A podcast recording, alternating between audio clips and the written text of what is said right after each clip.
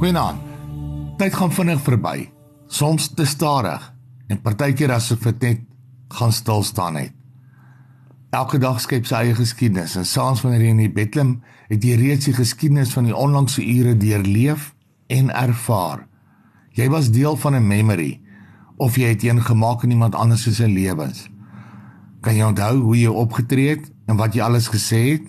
Wie geluister het en wie iets kon raak sien?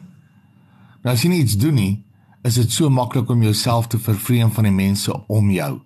Verveeldheid begin die oorhand kry en jy vereensaam jouself net met gedagtes van wat was. Nou gestel iemand het jou dopgehou en hy nooi jou uit na 'n eksotiese eiland, privaat vliegtyg, alles word betaal. Jy moet net opdaag en soveel saamnooi as wat jy kan. Tyd word dan 'n avontuur.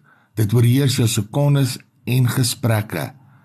In die wêreld waarin ons leef en skaars ons bure ken, sal dit nogal so opgewondenheid kan skep.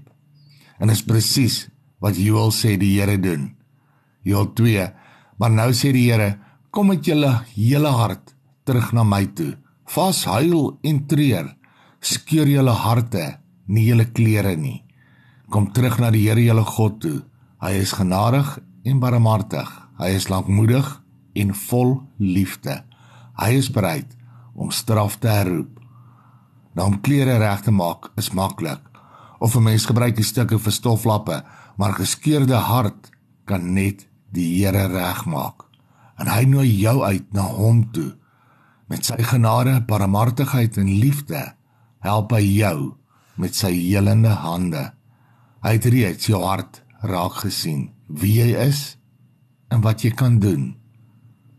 Hoor jy sy uitnodiging en sal jy opdaag vir 'n ongelooflike ervaring wat jou sal besighou in en vir sy koninkryk. Die uitnodiging staan van die Here se kant af. Amen. Nag se Here.